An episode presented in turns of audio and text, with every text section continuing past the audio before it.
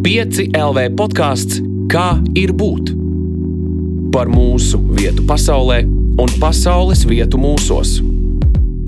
Sveiciens, mani sauc Elīna, šis ir podkāsts Kā ir būt, un mēs 5LV turpinām gatavoties labdarības maratonam DOT 5, kura šī gada mērķis ir atbalstīt cilvēkus ar funkcionāliem traucējumiem.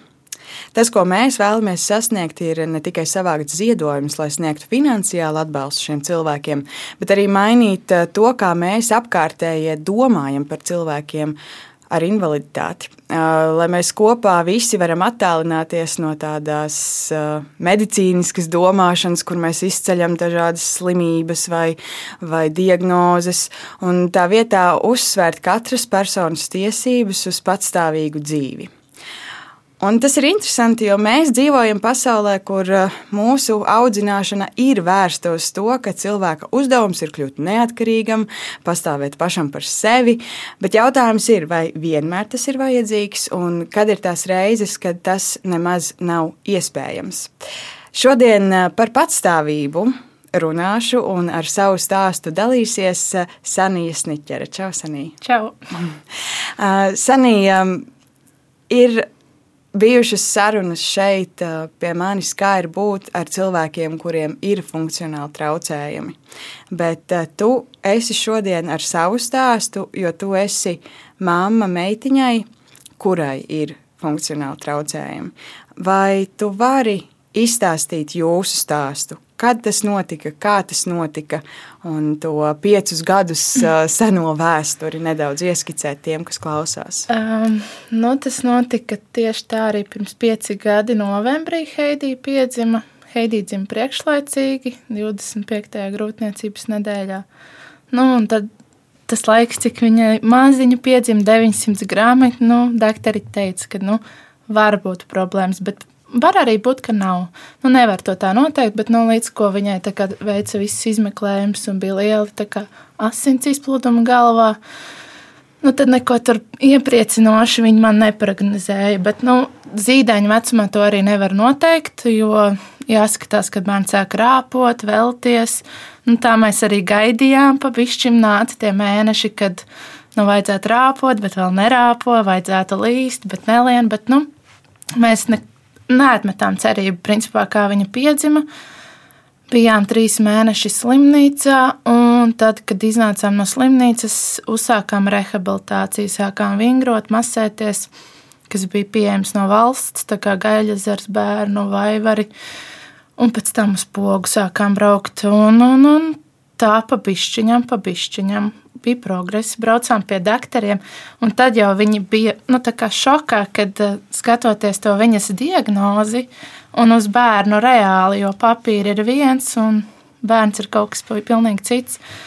Nu, tā mēs cītīgi, cītīgi strādājām ar viņu. Un, uh, pagājušajā gadā, četros gados, viņa sāka staigāt. Bet, nu, tas bija sākumā pie rociņas pieturoties. Uh, Tagad jau bišķīt patstāvīgāk. Protams, tā gaita nav ideāla, bet nu, vismaz var kaut cik pārvietoties. Kaut gan sākumā doktori teica, ka tur būs ratiņkrēsls un neko negaidiet.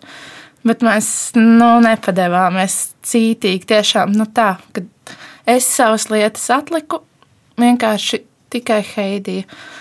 Un tas deva daudz rezultātu īstenībā, jo nu, paralēli jau, protams, ir visādi. Tā, Tā pašā laikā viņai tā kā galviņā krājās ūdentiņš un lika šunti. Nu, papildus tam visam jau nāk kaut kādi nu, kā uztraukumi. Tu minēji par to, ka diagnoze ir viens un tas, ko ārsts redzēja, ir cits. Vai tu Jā. vari izstāstīt, kas bija tā diagnoze un kas bija tas, ko reāli ārsts redzēja? Jo tad, tad saprotu, ka bija problēmas ar staigāšanu. Jā. Un kas bija tas, ko jāprognozēja un, un kā tas viss notika? Nu, principā pašā sākumā, kad tu izēji no slimnīcas, tev iedod izrakstu, un viņš bija mums uz kādām piecām lapām. Un, un, un Bet tā galvenā diagnoze viņai bija bērna cerebrā, cerebrālā trieka un vienas puses hemiparēze. Tas nozīmē, ka viņai tā kā kreisā pusīte ir laba, un labā puse ir vājāka, ir tonus un grūtāk. Un tā kā mums arī vīra Oma ir dakteris, viņa protams, viņai uzreiz interesēja, visi izraksti. Bet, nu, atklāti jau viņa neko neteica, bet, nu, bija nobijusies, jo viņa zina, kā tas ir.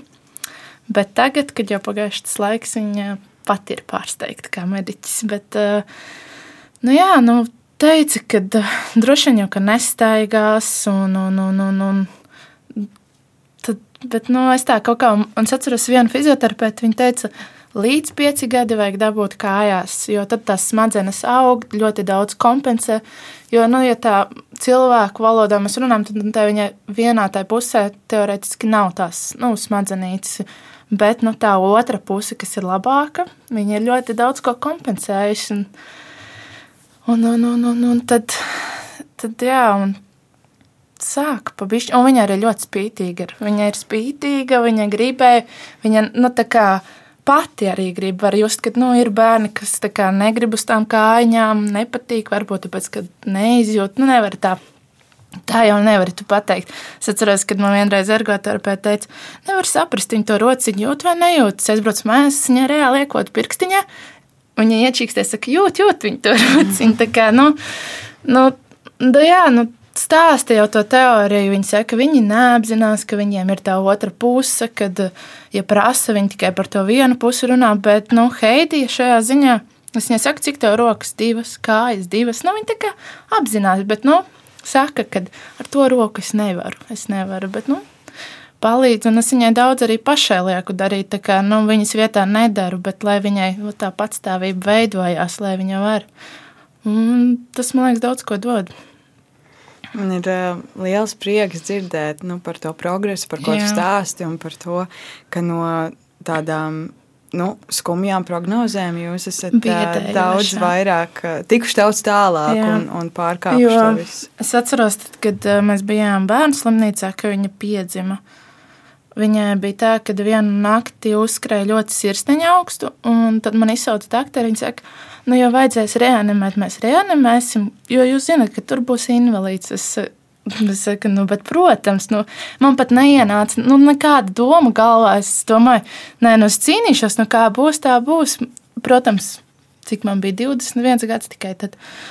Bet uh, man tā kā paldies Dievam, arī man nebija tas lēmums jāpieņem, jo tā vairāk nenotika. Bet nu, tas pierāda to, ka nu, nevar tā spriest tikai pēc tiem visiem. Nu, jūs pateikt, nē, tad kā tad būtu? Tā no. ir tā kā, nē, nu, ļoti labi, ka nevajadzēja nekāds lēmums pieņemt, un nemaz es nepieļauju tā domu, ka nevarētu. Un ar lielu mīlestību, visu laiku ar mīlestību. Es viņai daudz saku, cik ļoti mīlu, cik viņa ir stipra, un lai viņa izjūt to, nu, lai viņa zina, ka viņai sanāk. Lai, nu, lai vai kā viņai sanāk, bet sanāk. Mm. Um, tu saki, jā, par šo ārstu frāzi. Slimnīcā man pilnīgi uzreiz mm. tirpus pārskrēja. Es nespēju iedomāties nonākt tādā situācijā, bet tādas situācijas ļoti daudz un īstas patiesībā, un, un tā ir tā realitāte, kas mums ir apkārt. 21 tev bija, tu saki, kad mm -hmm. Heidija piedzima. Um, tu biji un joprojām esi ļoti jauna.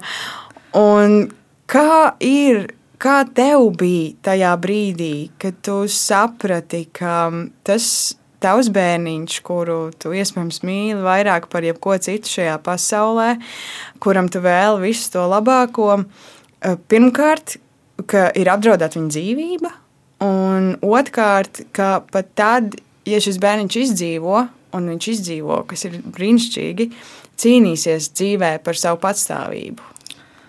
Tajā brīdī es liekas, pat par to nedomāju, kā viņai būs nākotnē. Es domāju, galvenais mums ir tikt ārā no tās slimnīcas, darboties, jo es apzinos, cik īstenībā ir daudz rehabilitācijas iespējas, un viss tikai attīstās un attīstās. Un, nu, es domāju, nu, ar lielu darbu daudz ko varēs panākt. Nu, tad Tā, jā, tajā brīdī es nedomāju, kā būs nākotnē īstenībā. Bet nu, tas noteikti pielika mani pie vietas kaut kādā ziņā, lika savādāk skatīties uz lietām, pieaugt, teiksim tā. Nu, jo līdz ar paralēli draudzenēm arī sāka dzimt tie bērni, un man likās, nu, viņām ir tās problēmas tādas, kad man viņas nebija, tās man nebija problēmas. Bet nu, katram jau ir tās savas. Nu, citam mm. tur temperatūra augsta un viņš pārdzīvo, bet, protams, par savu bērnu vienmēr pārdzīvo. Bet, nu, kad tu esi uz tās liekšņa, ka tu cīnies par viņa dzīvību, tad, uh, tad viss pārējais saslimšanas liekas iesnas un viss pārējais tās nav mm. nopietnas. Bet, nu, jā. Tu minēji, ka tu noliki sevi malā. Jā. Un veltīja pilnībā visu. Un es domāju, tā arī nu, katra mamma noliek daudz sevi malā un, un atdot sevi bērnam, bet šādos gadījumos tas ir daudz vairāk. Vai tev nebija tāds sajūta, ka kaut kādā mērā zaudē, nu, varbūt arī savu patstāvību? Jā, nu, tajā brīdī sapratu, ka man tagad ir Heidija, un viņa sāka pagājušajā gadā uzsāka bērndārs gaids, un tad es sāku sev pievērsties Es sāku savu kā, biznesu, es dekorēju. Es atradu to lietu, ko es varu darīt uh, pati, sev kā, laiku. Uh, man nav, es nevienam neesmu pakļauts. Es varu, es daru, es esmu rehabilitācijā, es nedaru. Jo nu, neviens darba devējs, teiksim, atklāt, jau var negribēs tevi ņemt darbā, ja tev ik pēc trīs mēnešus, divām nedēļām jābrauc uz rehabilitāciju. Uh, Nu, tad līdz, ar, līdz tiem trīs gadiem es jāesmu tā cītīgi. Protams, bija mirkļi, kad eh, piekūsti un gribās sev, bet nu, arī Omas bija liels palīgs, kas, protams, ņēma to heidiju un auklēja, un tad mēs ar vīru varējām divi tā kaut kur doties, bet uh, man kaut kā, man tas likās pašaprotami, man par viņu ir ka es tā, man bija tas mērķis, man viņa jānoliek uz kājām, jādabona, un tad jau tālāk pa bišķiņam, jo tagad mēs arī nu, tik ļoti neiespringstam kā līdz tas staigāšanas brīdim, teiksim. Mm. Jā. Mm, Heidija vēl ir maza, un droši vien viņa pati vēl maz apzinās savu veselības stāvokli. Un, Jā, un man domāju, liekas, ka viņa domā, ka viņa visu, bet viņa arī īstenībā tāds. Um, Viņai tāda laba īpašība, ka viņa ir tāda pārgalvīga. Nu tā, jo mums ir interesanti sanāca, ka man ir brālis, kas ir uh, gadu jaunāks par Heidiju. Un viņi kopā aug, un viņa skatās uz viņu, viņš tur uzlien, viņa kaut kā izdomā pati tur ar dibanu vai kā, bet arī uzkāpj. Tas tāds labs stimuls, jo mēs nekad arī neesam tā kā ja tev ir bērns ar uh, funkcionāliem traucējumiem, es esmu dzirdējis, ka daudz ģimenes kā, nu, nebrauc tur, pieņemsim, uz visiem attrakciju laukumiem, vai, nu, tāpēc, ka, teiksim, reāli, nu, tas bērns tur nespēja. Mums vienalga, mēs paši pieaugušie līdām pa trūkām ar viņu kopā. Vienalga, lai viņa izbauda to, nu, kā visi tie bērni skrien un dara, un tad, man liekas, viņa kaut kā tā nu, nejūtās apdalīta. Bet, nu, protams, es domāju, nāks vecāka un vairāk varbūt sapratīs, un tad arī būs savādāk.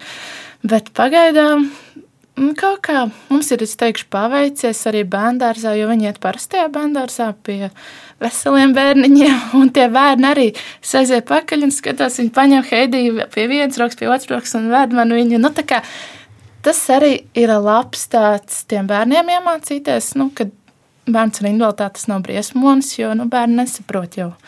Viņi savādāk to visu uztver, un tas, jau, protams, no vecākiem arī ļoti atkarīgs, kā viņi to pasniedz. Jo nu, ir viņiem, tiem bērniņiem, kad uznāk kaut kāds dusmu lēkmes, viņi var pēkšņi iesist vai nu, nekontrolējami. Jo nu, loģiski es, es arī vienmēr atgādinu sev, padomā, viņai taču nav tādas smadzenes kā mums. Nav.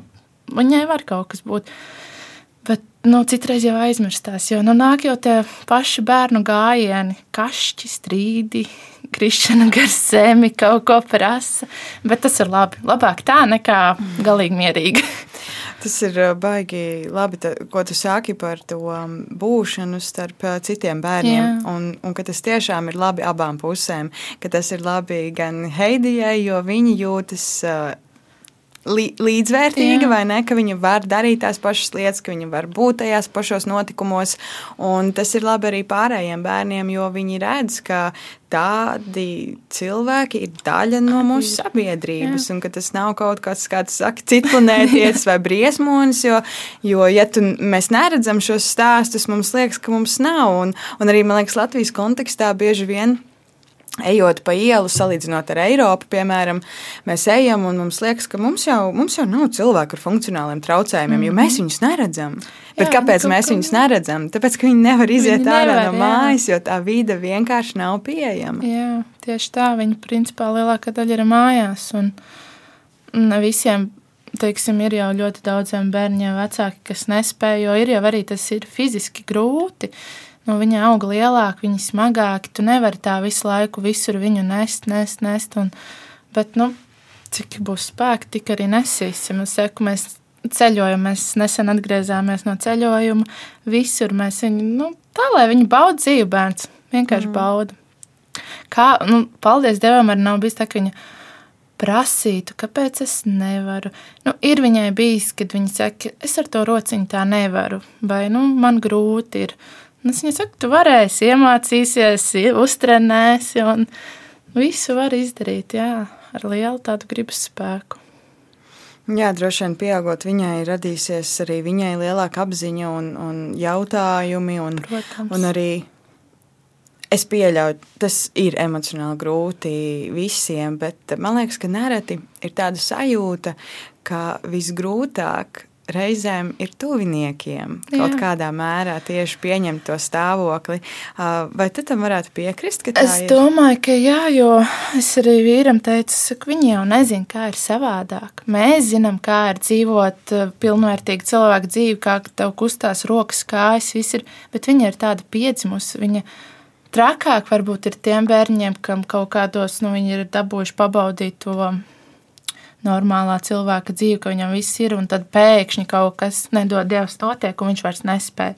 Tad jā, bet Heidijas gadījumā viņa tāda ir piecimusi, un es viņu jau nezinu, kā ir iegodīgi savādāk. Nu, varbūt tikai ar laiku tā salīdzināšana, ka redz kā citi, un nu, tas mums cilvēkiem, man liekas, vienmēr ir, ka tu esi kompleksos ar sevi. Mm. Jā. Ir tāds viens uh, briesmīgs vārds, man liekas, šim, šajā kontekstā, bet tas ir vārds, kas nereti izskan uh, daudz kur sabiedrībā. Um, ka bērns ar funkcionāliem traucējumiem ir uh, apgrūtinājums vecākiem.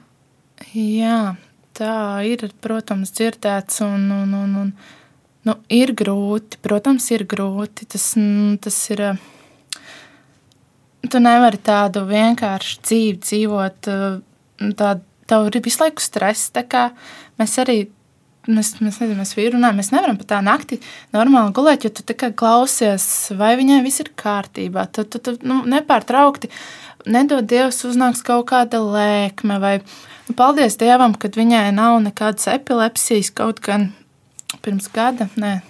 Nu jā, pirms gada gandrīz vairāk viņai bija augsta temperatūra, un viņai tad uznāca tā lēkme, ko es nesauktu, ka tā bija epilepsijas, bet tīrāk no augstās temperatūras. Bet es biju tik ļoti pārbijusies. Viņa vienkārši atbrauc ātrā palīdzība, un tas Covid laiks viņu izstājas maskās, un viņa neraud. Es saku, saprotu, ka tas nav normāli, jo viņai ir bail no doktoriem. Viņa ierauga māsiņu, kā velk cimds, tā bļauj.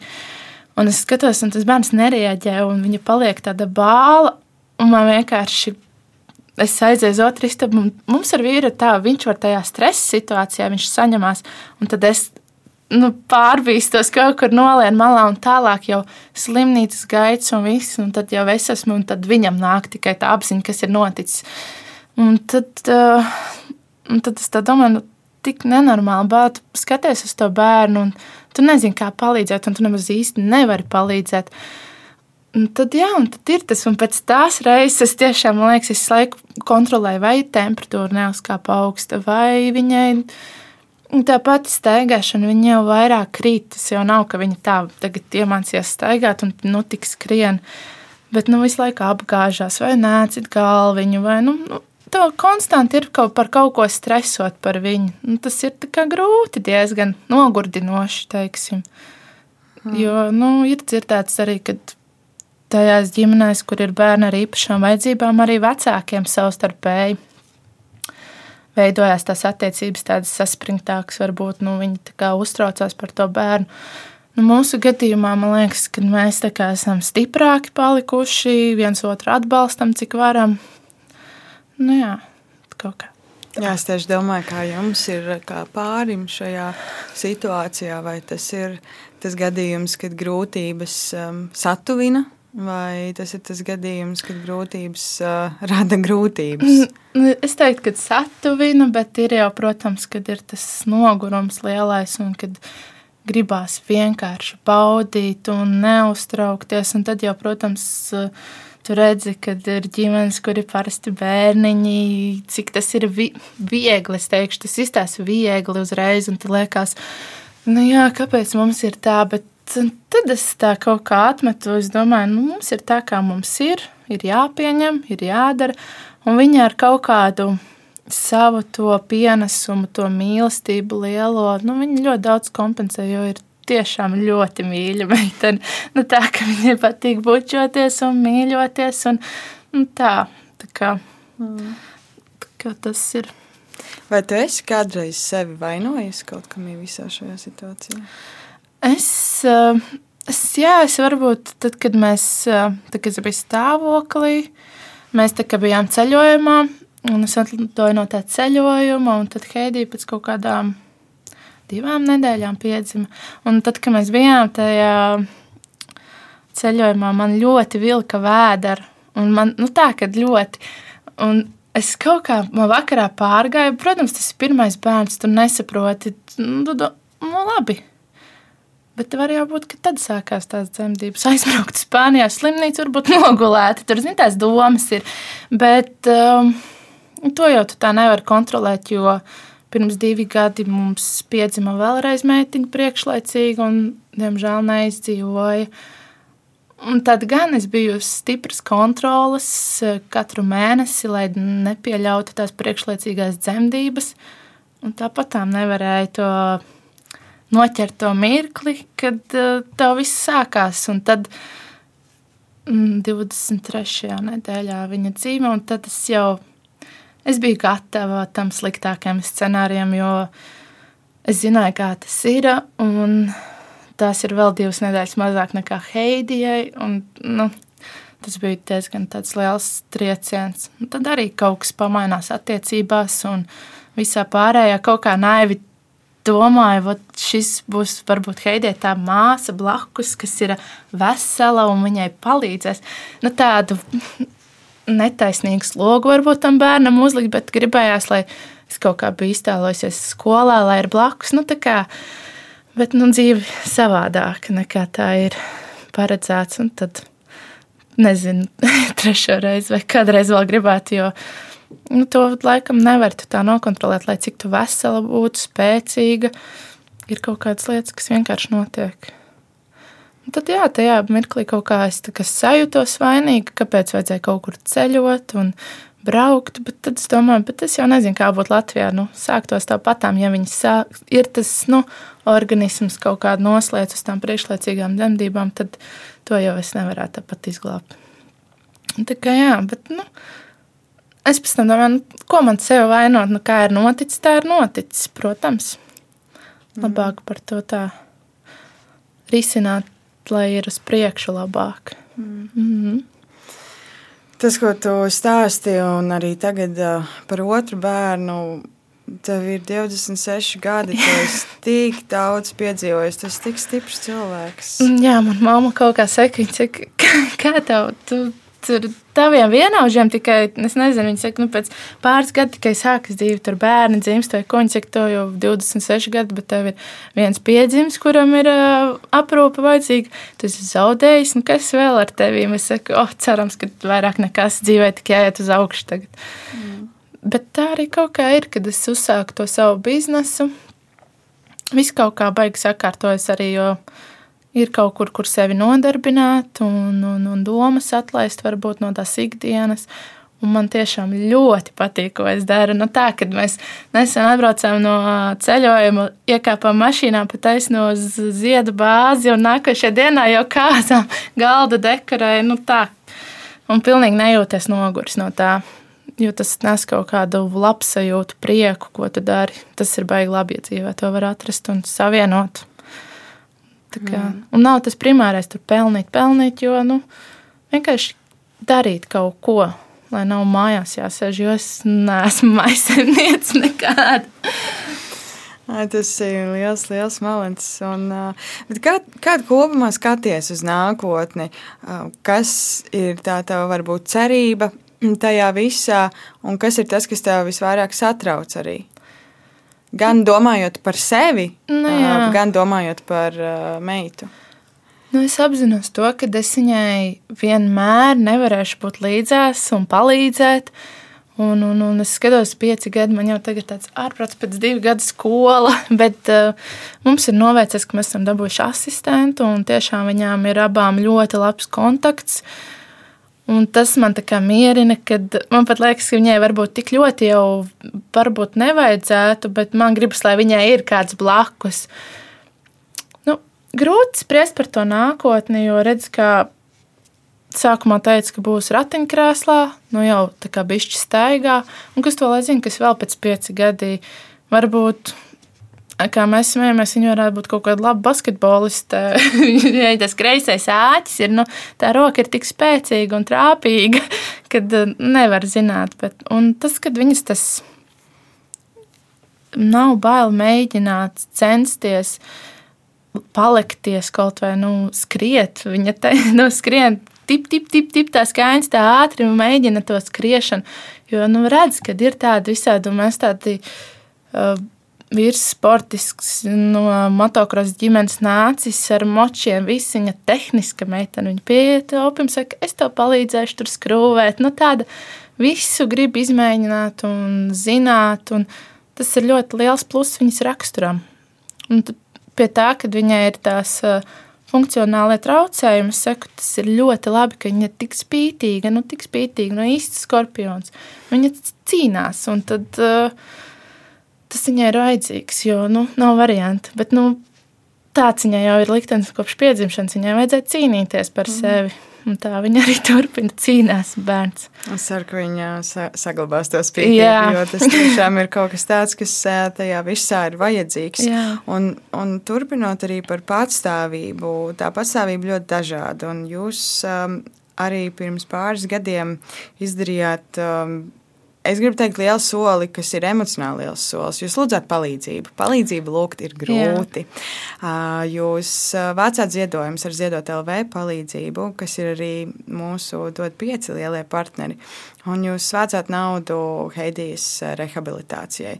Cik grūti bija lūgt palīdzību? Ir grūti. Ir, pirmkārt, mēs nekad neesam Man ir iekšēji bijis tā, ka gribas it kā runāt par to, iedrošināt varbūt kādas mammas, bet tā pašā laikā gribas paslēpt, gribas parādīt, ka viņa ir normāls, vesels bērns un viņai nekas nekaiš, jo pēc skata, pēc visam viņa runā smuki, nu nepateiks daudz, kas nezin mūs. Un tad bija tāds, bet nu, ir jānoliek malā tās manas kaut kādas uh, kauns vai bailes. Vienkārši ir jāprasa, lai palīdzētu viņai. Un tad, jā, nu, nu saprotu, tu jau cīnies tik ilgi, tu vari viens pats. Tu maksā, dari, dari, bet, nu, tu saproti, ka ir jau arī citi maksājumi un, un, un vajadzības, un ka tu nespēji visu izdarīt. Un tad vienkārši ir jālūdz, un mums tiešām liels paldies visiem ziedotājiem, jo mēs ielikām to sludinājumu un dienas laikā visu summu savācām. Nu, tā, ka tik ātri, es neplānoju, ka tas viss tik ātri notiks, bet cilvēki tiešām ļoti ir pretīm nākoši un palīdz. Un tas ļoti priecē, kad var. Un tas uzreiz viņai dod liels iespējas. Vienkārši tas nodrošināts, tu zini, gadu uz priekšu, kad tev būs rehabilitācija ik pēc cik mēnešiem. Un, un arī viņai tas progress tajā vingrošanā, jo tur bija kaut kāds divi, trīs gadi, kad tu nemaz nevari. Uh, tu gribi tam bērnam, viņam vajag vingrot, tu aizbrauc, viņam vienkārši bļauj, spītē, un, un tur jau vairs nav, kas saka, nebūs jau efekts, ja tu kliedzoši bērnu tur stieps. Un tas bija tad grūti, bet nu jau, nu jau rokas aiz galvas un kājas viņai stiepjas un, un, un dara. Protams, viņa ir ļoti bailīga. Gribētos, lai viņa uz tiem robotiem iet, kas viņai palīdzētu gaitai. Bet viņa, kā ieraugtu aparātā, nabaks ir nobijies. Bet es ceru, ka ar laiku atkal augs kaut kāda apziņa, ka tas viņai palīdz, ka nu, viņai būs vieglāk. Un tā pa solītam. Bet bija grūti, tas bija grūti kaut kā atklāt sevi tos visas tās diagnozes, kas viņai ir. Jo, nu labi, cilvēki redz, nu, viņi tur nestaigā kā vajag, bet viņi jau nezina, ka tur ir, nu, tā Un nezinu, kāpēc daudziem biedē tas vārds bērnu cerebrālā trieka. Tas kaut kā liekas, ka tas tad ir tiešām tikai ratiņkrēsls, bet tās izpausmes ir tik dažādas. Man pat doktori teikuši, tur var būt cerebrālā trieka, un tu nemaz nezini, ka, tā, nu, ka tam cilvēkam vispār ir kaut kādas problēmas. Un, nu, jā, un tā, man nekad nav paticis, kad uz mani skatās tā žēla baini, tā, oi, cik žēl, ka tev nu, tā žēlo. Man tas nav vajadzīgs, kā, un tad negribējās, bet kaut kā labi cilvēki apkārt ir gaidījušies, kas vienkārši uzmundrina un saka, cik forša meitene, un, un, un nekad nav bijis tā, ka kauns. Mm. Vajag interesanti tas, ko tu saki, ka it kā iekšā ir tā sajūta, cik ļoti nu, negribas rādīt to nu, ka kaut kas nav it kā normāli. Tu teici to vārdu normāli. Un tajā pašā laikā, tad, kad mēs nu, parādām to savu kaut kādu sāpi vai caurumu vai, vai, vai skumju, cik pozitīvu attieksmi mēs saņemam un, un apsties dienas laikā var uh, savākt visus ziedojumus. Un ka mēs it kā dzīvojam, un mums liekas, ka mums ir jāslēpjas, jāslēpjas, bet re mēs pasakām, un, un cilvēki ir pretīm nākoši. Jā, viņi ir priecīgi palīdzēt, un viņi noteikti nejūtās slikti par to. Un, jā, tā ir kaut kā. Tas ir vienkārši pašam sev jātiek pāri, jāpieņem un Es vienkārši tajā brīdī, kā es teicu, Heidī bija tā prioritāte, nevis tas, ko, no kā man ir kauns. Jo es, nu, vienkārši viņai to vajag, mēs darām, un viss. Bet ļoti daudziem ir ļoti grūti prasīt, ziedot. Es zinu, mums pilsētā ir, kur meitene jau ir 11 gadi, un tā mamma teica, es nekad ne, neesmu lūgusi, un es nelūgšu, man negribās. Uh, Man liekas, nu, kāpēc? Kāpēc uh, nevar, ja tu zini, ka tu palīdzēsi vēl vairāk tam bērnam? Un ļoti daudziem arī negribas pieņemt to faktu, ka mans bērns ir ar kaut kādām problēmām, ar traucējumiem, un slēpties no tā, nevest pie doktoriem. Nu, cik, nu, ir visādi gadījumi dzirdēt, ka tu redzi, liekas, nu, īstenībā pāri dari. Jo, mm. nu, tu jau tikai palīdzēs. Nevis, nu, es gribētu iedrošināt, neslēpties tiešām un nekautrēties par to, ka ir kaut kas vienkārši jādara.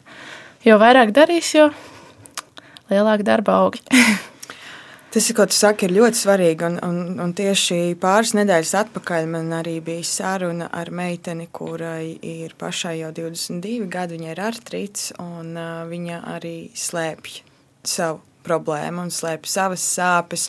Un to arī saka, ka bija kaut kāds kauns un ka gribās jau, lai viss ir vai ne normāli. Mm, nu, kāpēc, kāpēc mēs tā domājam, ka tas nav normāli? Jo tas taču īstenībā, nu, protams, ka gribētos, lai tā nav, vai ne? Loģiski. Mm. Bet uh, rezultātā nu, tas ir kaut kādu uh, cēloņu rezultāts, tās ir sekas, kas mums ir, un, un, un, un mēs taču īsti nespējam to ietekmēt. Mēs varam to ietekmēt tikai uz labu. Respektīvi, vingrojot, ja, vai jebko citu darot, mēs varam uzlabot to stāvokli. Vai tā ir kaut kāda mūsu sabiedrības doma, ka mēs to saucam par nenormālu, un ko mums vajadzētu darīt, lai mēs, mēs izveidotu tādu sabiedrību, kur katrs eh, šis bērns vai pieaugušais, vienalga, kurš cilvēks var iet arī ar saviem funkcionāliem traucējumiem pasaulē un justos tieši tāds pats kā pārējie?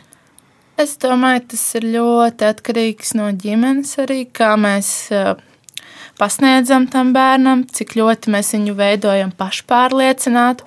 Tur jau nevajag būt pat problēmām. Arī pilnīgi vesels cilvēks var būt nepārliecināts par sevi, kautrēties, būt ierāvies un neko nedarīt lietas labā. Mūsu mērķis, mēs kā Heidija sakam, ka vienmēr es viņai tā kā borēju, pilnīgi, tu esi pati labākā, tu daudz vari vienkārši to ielikt jau tā kā no bērnības, kad mēs katrs esam unikāls, kāds mēs esam. Uh, arī man ir bijuši kaut kādi kompleksi vai ko, bet es vienkārši sev pieņemu, kādas esmu, un es, tādas esmu tikai es. Un tās viņa arī mēģina iemācīt to, ka nu, tāda, kāda viņa ir, tāda viņa ir. Un to tu neko nepadarīsi. Ir tikai jādara, lai būtu labāk. Un jācīnās, vienkārši jācīnās. Diemžēl kaut kā tā dzīvē ir, ka nu, tev, nu, tas, ja ne, nu, gulēsi gultā un skatīsies seriālu, nu, tad nu, dzīve neies uz priekšu. Mm. Bet jā, nu, ir dzirdēts, protams, bērni arī diezgan, nu, no, nezinu, ļauni vai kā, nu, nesaprot ir jau kaut kāds posms, ka viņi arī nesaprot. Piemēram, mans brālis. Viņš nesaprot, kāpēc tā Heidija nevar. Mēs ejam aplītī, viņš nu, dod viņai to roku, ko viņa nespēja kā, teiksim, pakustināt. Nu, ko viņa nedomā man to roku? Viņš nesaprot, bērns, ka viņa nevar. Un viņi skatās uz viņu, es taču nevaru. Nu, arī jāpieaug līdz tam, bet uh, jāskaidro visu laiku arī, nu, es viņam skaidroju. Viņa, nevar, bet viņai mācās. Un mums krustdēls sanāk, ka Heidi ir viena vecuma. Un tur ir nu, vienkārši piemērs, kā viņi kopā ir auguši, un viņš zina, ka Heidija nevar. Un tā viņa attieksme jau kā bērnam, piecgadīgam, viņš rūpīgi palīdz, pieceļ jau tās nu, kaut kādas ieliktas, tās rūpes, kad ir jāpalīdz tiem cilvēkiem. Nu, atver durvis, nu visu, lai viņi var kaut ko darīt lietas labā, lai viņi var dzīvot to dzīvi. Ja mēs spēcīgie cilvēki viņiem nepalīdzēsim, kurš palīdzēs, ja viņi paši nevar. Tā mēs kaut kā tā mēģinām ieaudzināt un krustdēls cepur nost viņam mazam bērnam, bet nu to apziņu, ka vajag Un nedodies, nu, protams, kā bērns, viņš tur viņai iebaksta vai kaut ko. Viņš tik ļoti pārdzīvo. Viņš zina, ka Heidijai nevar tā darīt. Bet es jau saku, nu, var, var savādāk. Viņai jau arī gribās visu kaut ko tur kašķēties. Un sēdāk jau sāk jau izmantot to savu situāciju. Viņa jau gudra, zina, ka nevar, bet var. Jā, tu to saki, un tas, par ko es domāju, ka laikam tas ir stāsts par to, ka mums maksimāli ir jābūt visiem kopā, nevis jāveido atsevišķi ciematiņi tagad mm. uh, tikai tur, nezinu, vairedzīgiem cilvēkiem vai tikai cilvēkiem ar funkcionāliem traucējumiem, bet tajā brīdī, kad mēs saliekam visus kopā, uh, tiešām to labumu gūst gan vieni, gan otri. Nu, tieši tā, nu, tur jau Nu, tas jau ne, neprasa neko tev palīdzēt tam cilvēkam. Vienkārši cik nav redzēts veikalos vai kur, nu, nu, nu nepalīdz. Nu, kāpēc? Nu, kaut vai jaunām māmiņām tu stumtos acu vai ko. Tev pat durvis nepaturēs vaļā. Nu, tu stiep ratus, tev nepalūgs palīdzību uznest. Nu, nē, nevar teikt pa visiem. Arī tā jau nav, kad visi cilvēki ir tādi. Bet, nu, ja mēs redzam, ka mēs varam palīdzēt, kāpēc mēs to nedarām? Nokautrējamies bieži vien, baila kaut ko. Nu, kauns, es teikšu, bieži vien tu nokautrējies, nobisties un tā arī paiet garām. Un no kā patiesībā? Kāpēc Jā. jākaunās palīdzēt? Un beigās tas cilvēks tev pasmaidīs un pateiks paldies. Mm. Jā, nu tā kaut kā tas ir. Nezinu, kāpēc. Bet kas ir tā attieksme no apkārtējiem, um, ko jūs esat vairāk saņēmuši? Vai tā ir um, sapratne, noraidījums, līdzjūtība, vienaldzība? Nav tā īstenībā.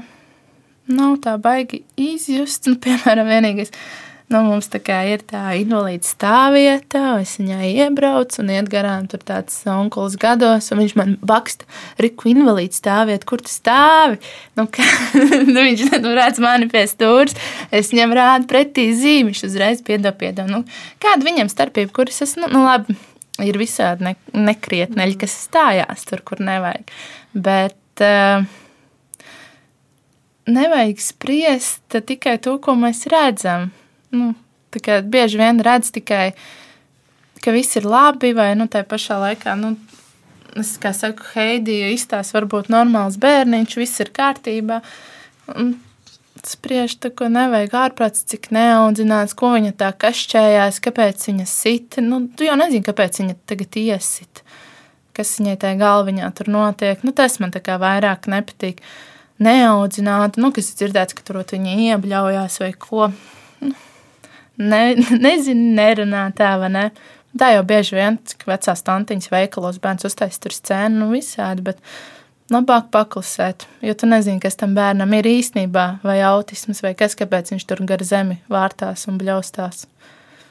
Jā, ne tikai bērnam, nu, bet katram jā, mums cilvēkam? Arī, arī tu no malas tu izskaties ļoti priecīga un laimīga, bet apsties, cik tev daudz ir arī tev cīņas.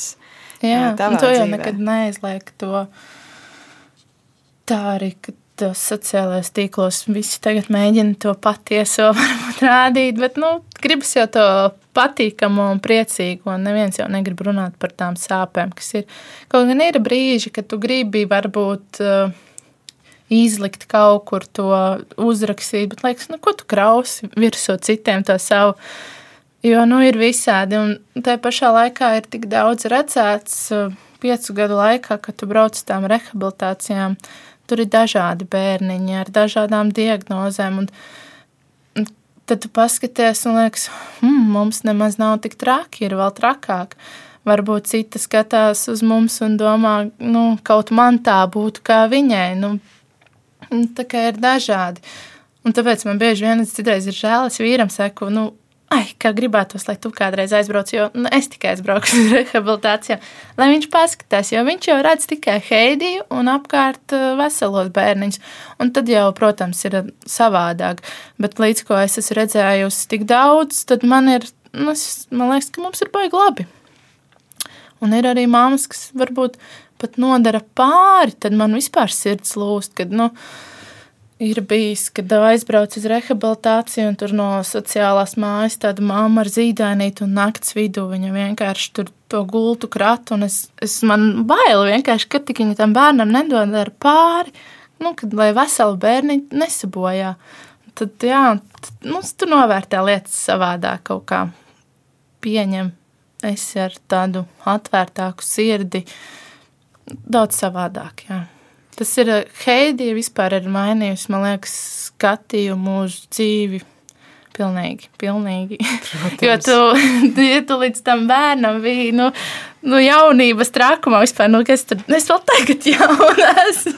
tur runāju tā kā 50 gadīgi, bet, nu, nē, nu, nu, pilnīgi savādāka dzīve bija pirms tam, un tu pilnīgi vienā dienā tu nonāc slimnīcā, tu trīs mēnešus tur dzīvo, tu baidies, tu nesaproti, kas notiks. Tu iznāc ārā, tu nezini vispār. Tu skaties uz to kunklīti, tu atvedis mājās, viņa ir tikai divi kilogrami. Vēl jaundzimušais nav vēl tāds. Viņa, es tagad, mēs viņas bērnībā un lēlē velkam tās viņas drēbes, un to te lēlē pa lielu.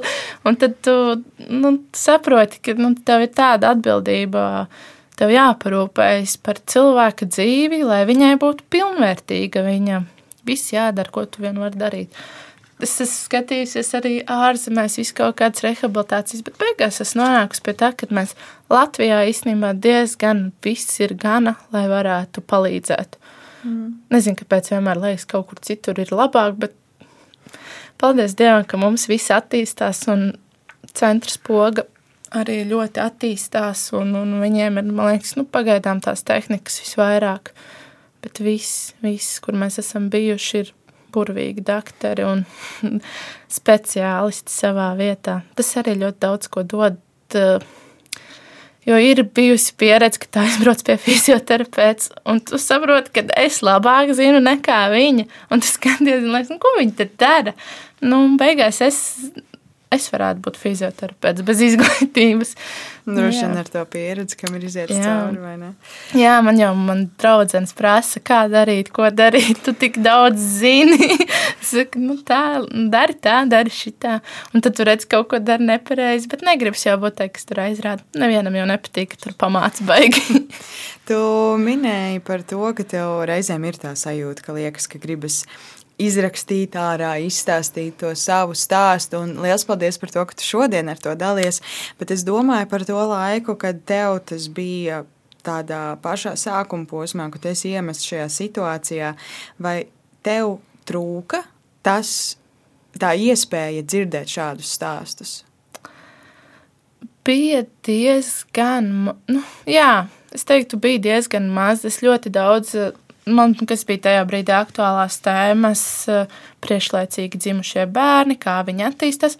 Jo tiešām ļoti daudzi bērniņi ar funkcionāliem traucējumiem ir priekšlaicīgi dzimuši. Mm, tad, eh, nebija īpaši. Bet bija kaut kādas mammas drosminieces, kas arī Instagramā rakstīja un dalījās. Bet nu, katram jau apakšā tomēr ir tā sava apakšdiagnoze vai nu, tā bērna cerebrālā trieka, bet tajā pašā laikā ir jau papildus vēl kaut kādas, un tas arī daudz ko maina. Bet man nerunā. Es arī, es tā kā arī šai sarunai es domāju, vajag, nevajag, bet es domāju, nē, nu, ir jārunā, ir jāiedrošina, lai es zinu, nu, par ko man kautrēties. Nu, tā ir mana dzīves daļa, tā man vienkārši ir un viss. Jā, es domāju, ka kas, vai tev kā mammai šajā bija atbalsts arī, un, un vai tu emocionāli, kā tu jūties, un, un vai tev bija iespēja iegūt to atbalstu, kas tev varbūt bija vajadzīgs tajā laikā? Es izmantoju principā visas tās psihologu, kas bija iespējas slimnīcā, ko viņi piedāvāja. Es gāju vienalga tur divas, trīs, četras, vienalga cik reizes. Tāpat arī no ģimenes. Man vīra māte ir pēc izglītības psihologs. Viņa man arī zināja pareizos vārdus pateikt, un, un, un mana mamma. Tā kā ģimene, protams, tajā brīdī bija liels atbalsts, kaut gan viņi paši arī atzina, jo kā Heidija piedzima, viņa jau pirmos trīs mēnešus viņa tikai nu, es bildīts kaut kādas sūtīju. Un es pat tagad nožēloju, ka tik maz es bildēju, jo man, man bija kaut kā bail.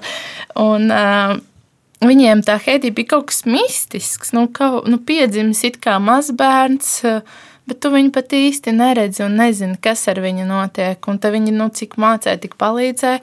Protams, ka tu esi tajā vidē, tas ir savādāk nekā tu esi mājās. Kaut vai vīrs ir tā teicis, ka es mājās esmu, es it kā dzīvoju, turpinu to ikdienas dzīvi, darbs, mājas. Tikai tu neesi mājās, bet es esmu vienkārši no rīta līdz vakaram slimnīcā.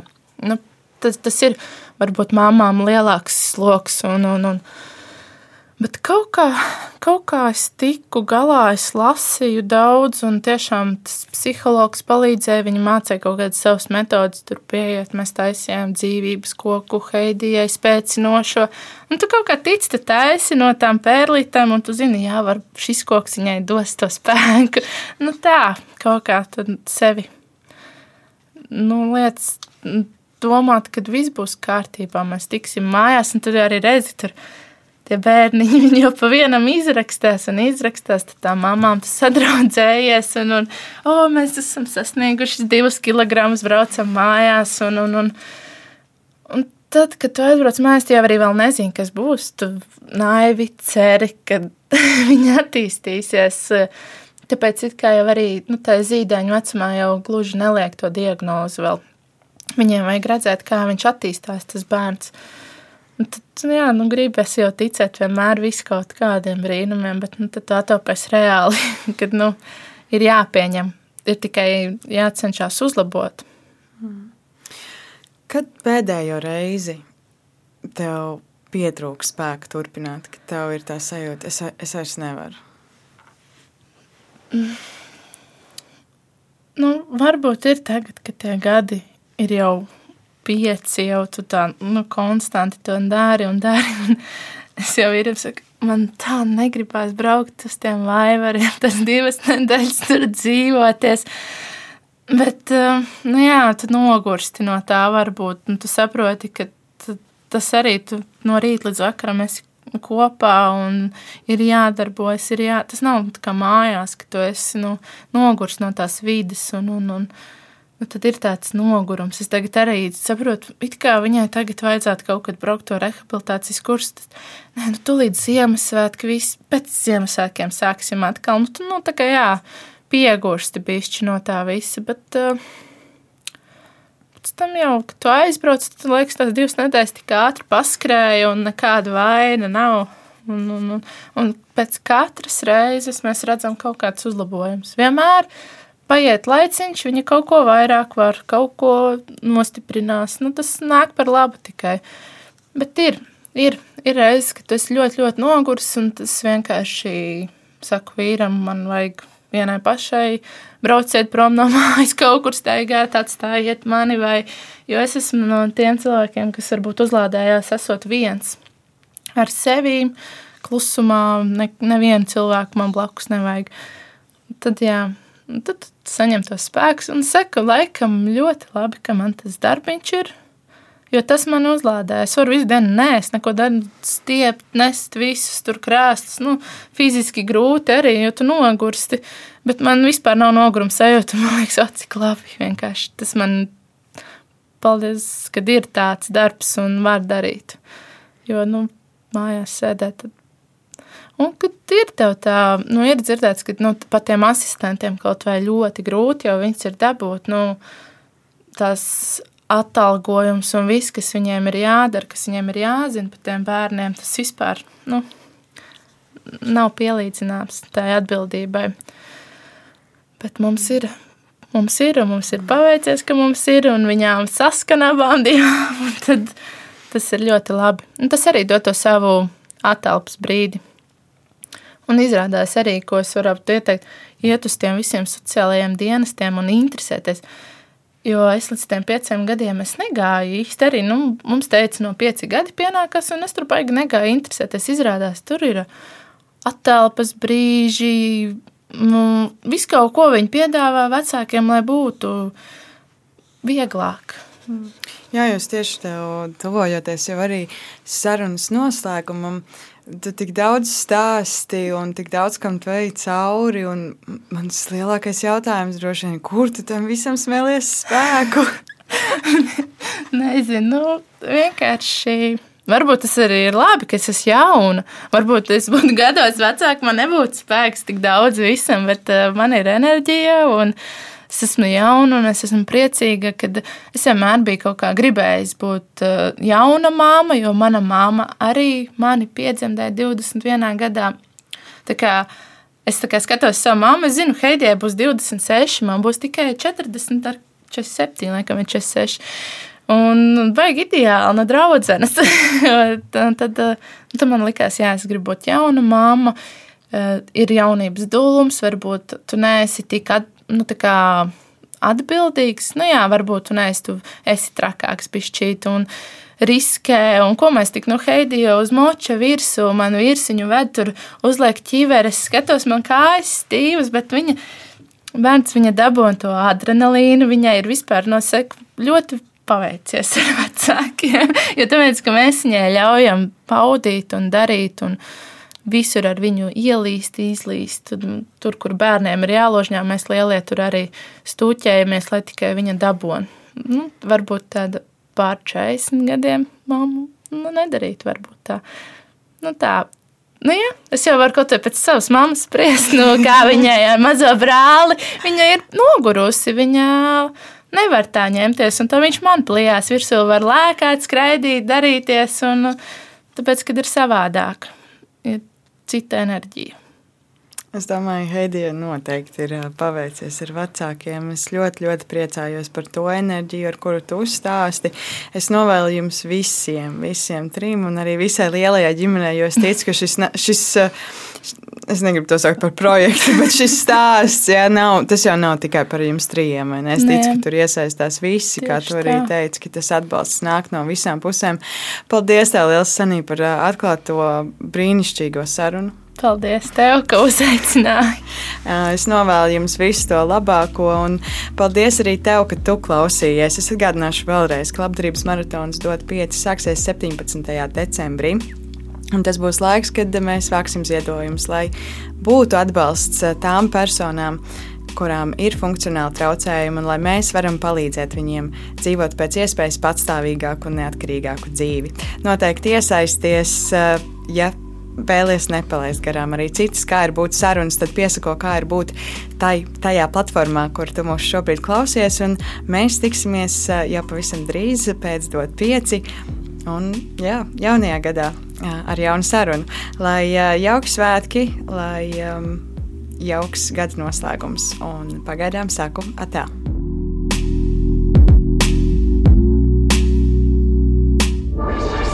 Projekts tapis ar Eiropas parlamenta finansiālo atbalstu.